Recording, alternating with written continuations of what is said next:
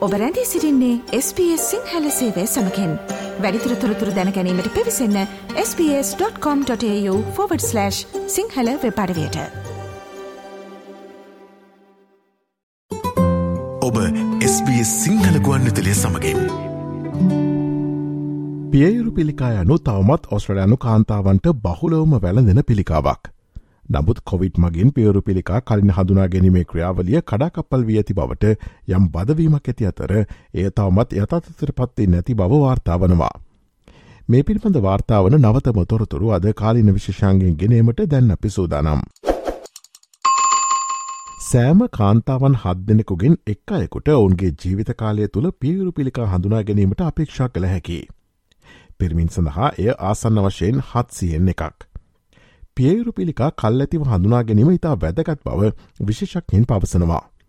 ඔස්ට්‍රලියාවේ සෑම ප්‍රාන්තයකම සහ ටෙරටරියකම කාන්තාවන්ට සාමාන්‍ය පියරු පිළිකා පරීක්ෂණ ලබාදෙන බ්‍රෙස්ක්‍රීන් සායන වැනි රජයේ අරමුදල් සපේන සේවාවන් සහ පියරු පිළිකා රෝගලක්ෂණ ඇති අය සඳහා මැමෝග්‍රෑම් සහ අල්ට්‍රසවුන් කරන පුද්ගලික එක්ස්ට්‍රේ සායන මෙම පියරු පිළිකා සම්බන්ධ පරීක්ෂණ වැඩ ස්්‍රහන් ඔස්ට්‍රලයාාවේ ප්‍රධාන වශයෙන් ක්‍රියාත්මක කරනවා. මෑත අතීතයේදේ පියවරු පිළිකා සම්බන්ධ සාමාන්‍ය පරීක්ෂණ සඳහා ඉදිරිපත්වන කාන්තාවන්ගේ සංඛ්‍යාවේ අඩුවීමක් වෛද්‍යවරුන් විසින් නිරීක්ෂණය කර ඇති අතර ඔවුන්ට රෝගලක්ෂණ ඇත්නම් වේලාව ලබා ගැනීමද ප්‍රමාදවන බවත් පවුලේ වෛද්‍යවරුන්ගේ රාජිකයෝ ශ්‍රණන් විද්‍යාලයේ වෛද්‍ය අනිටා මුනෝස් පවසනවා. මීට පෙර සහ වර්තමානයේ සාමාන්‍ය මැමෝග්‍රෑම් පරීක්ෂණ සිදු කිරීමට විශාල පොරොත්තු කාලයක් නැති බවද ඇය පවසනවා. නමුත් මැමෝග්‍රෑම් සහ අල්ට්‍රසවුන් පරීක්ෂණ කරන නියෝජිතයන් අදාළ පුද්ගලයාගේ යම් රෝගලක්ෂණ හෝ ගැටිත්තක් දෙස අවධාන යොමු කිරීමේදී ඇතැම් විට එම පරීක්ෂණ සිදු කිරීමට යම් ප්‍රමාධයක් ඇතිවිය හැකි බවත් කොවිඩ් ආසාධනය වූ වෛද්‍ය කාරමණ්ඩලේ නිසාද යම් ප්‍රමාධයක් ඇතිවිය හැකි බවත් වෛද්‍ය අනිට මුණෝස් පැහැදිලි කලා.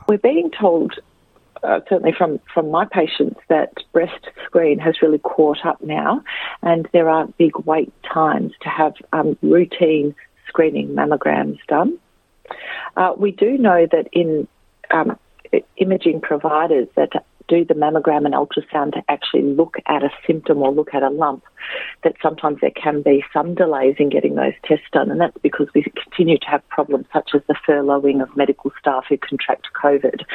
And so um, the, the system, the health system, continues to be affected.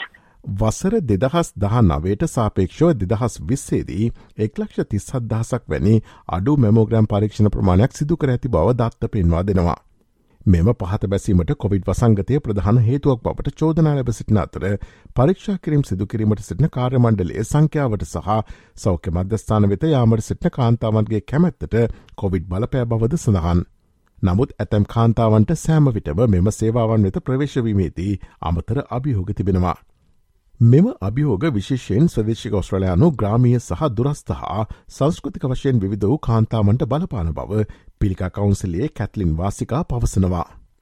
ඔවුන්ගේ අවාසිය විසඳීම සඳහා පිළිකා කවුන්සිලේ වැඩස්ට්‍රහන් නිර්මාණය කරමින් සිටින බවද ඇය සඳහන් කරනවා.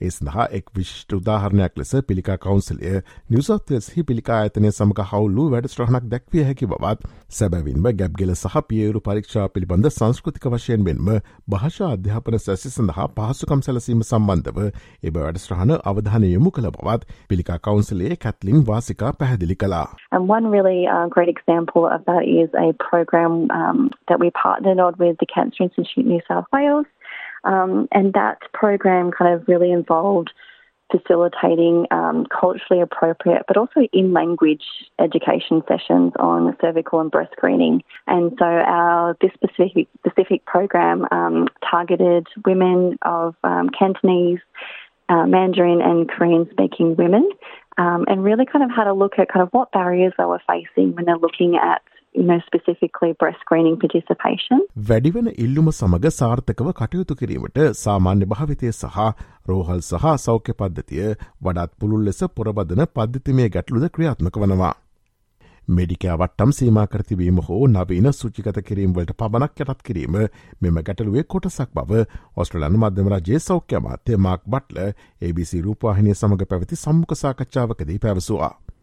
මෙඩිකයා ප්‍රතිසංස්කරන කිරීමේ ක්‍රම නිර්දේශ කරන වාර්තාවක් නිකුත් කිරීමට සූදානම් බවද ඔහු ප්‍රකාශ කලා. ඉදිරි සති දෙක තුළ ප්‍රකාශයට පත් කිරීමට බලාපොරොත්තු වන එම වාර්තාව දැන් අවසන් කරමින් සිටින බවද ඔහු එහිදී කියා සිටියා. We're finalising the report now, which I expect to publish in the next couple of weeks, about the need for a truly 21st century Medicare system that reflects the disease profile of an older population, a population that has more complex chronic disease. දැනට ඇති මෙඩිකයා ක්‍රමය වෛද්‍යවරුන් සඳහා ඉදිරිපත් කරන අභියෝග නොතකා ඔවුන් තම රෝගින් වෙනුවෙන් කැපවී සිටින බව වෛද්‍ය මූනුස් පවසනවා. පියරු පිළිකාව පිළිබඳ සාකච්ඡා කිරීම සඳහා හොඳම ආරම්භක ස්ථානය ඔබේ පවුලේ වෛද්‍යවරයා පවත් කාන්තාවකගේ සෞඛ්‍ය සහ ඇගේ පවුල් සෞඛ්‍ය පිළිබඳ ඉතිහාසයක් ලබා ගැනීමෙන් එම අවධානම පිළිබඳ වඩත් සුදුසු තක්සේරුවක් ලබාදිය හැකි බවත් පසුව පරීක්ෂා කිරීම පිළිබඳ පුද්ගලික උපදෙස් ලබාදිය හැකි බවත් ඇය ප්‍රකාශ කරනවා. I, think that one of the, the best starting points to have a discussion about breast cancer is with your GP because by taking a history of a woman's health and her family's health, we can give a more bespoke um, estimation of risk and then give individualised advice on screening. We know that the risk of breast cancer um, is heavily influenced by age, um, and that's when we're talking about uh, average risk women. Um, there are some other uh, ways that we can guide women about their cancer risk by taking information about their health and the health of their family to give them a bit more sophisticated estimation of risk. ප්‍රමාදයන් සහ එල්ලුම පිළිබඳ වාර්තා මධ්‍යයේ කිසිවකු පියවරු පිළිකා පරීක්ෂාවට ඉදිරිපත්වීම සම්බන්ධයෙන් අදහිරමත් නොවිය යුතු බව පිළිකා කවුන්සලේ පවසනවා.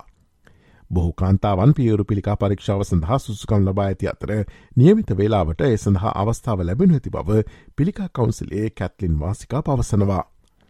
වයිසවුදු පණහැ සිට හැත්තෑ හතර දක්වා කාන්තාවන්ට පියරු පිළිකා පරීක්ෂණ සිදුකර ගැනීමට බ්‍රෙස්ක්‍රීන් නිවසොත්වල්ස් විසින් ආරාධනා කරන නබොත් ඇත වශයෙන්ම වයිසවුරුදු පණහට පෙර පරීක්ෂා කිරීම සඳහා සුසුකම් ලබන බැවින් ඔබට වයසවුරුදු හතලිහේ සිට මැමෝග්‍රෑම් එකක් කිරීම සඳහා වේලාවක් වෙන් කරවාගත හැකි බවත් කැත්ලින් වාසිකා සඳහන් කරනවා.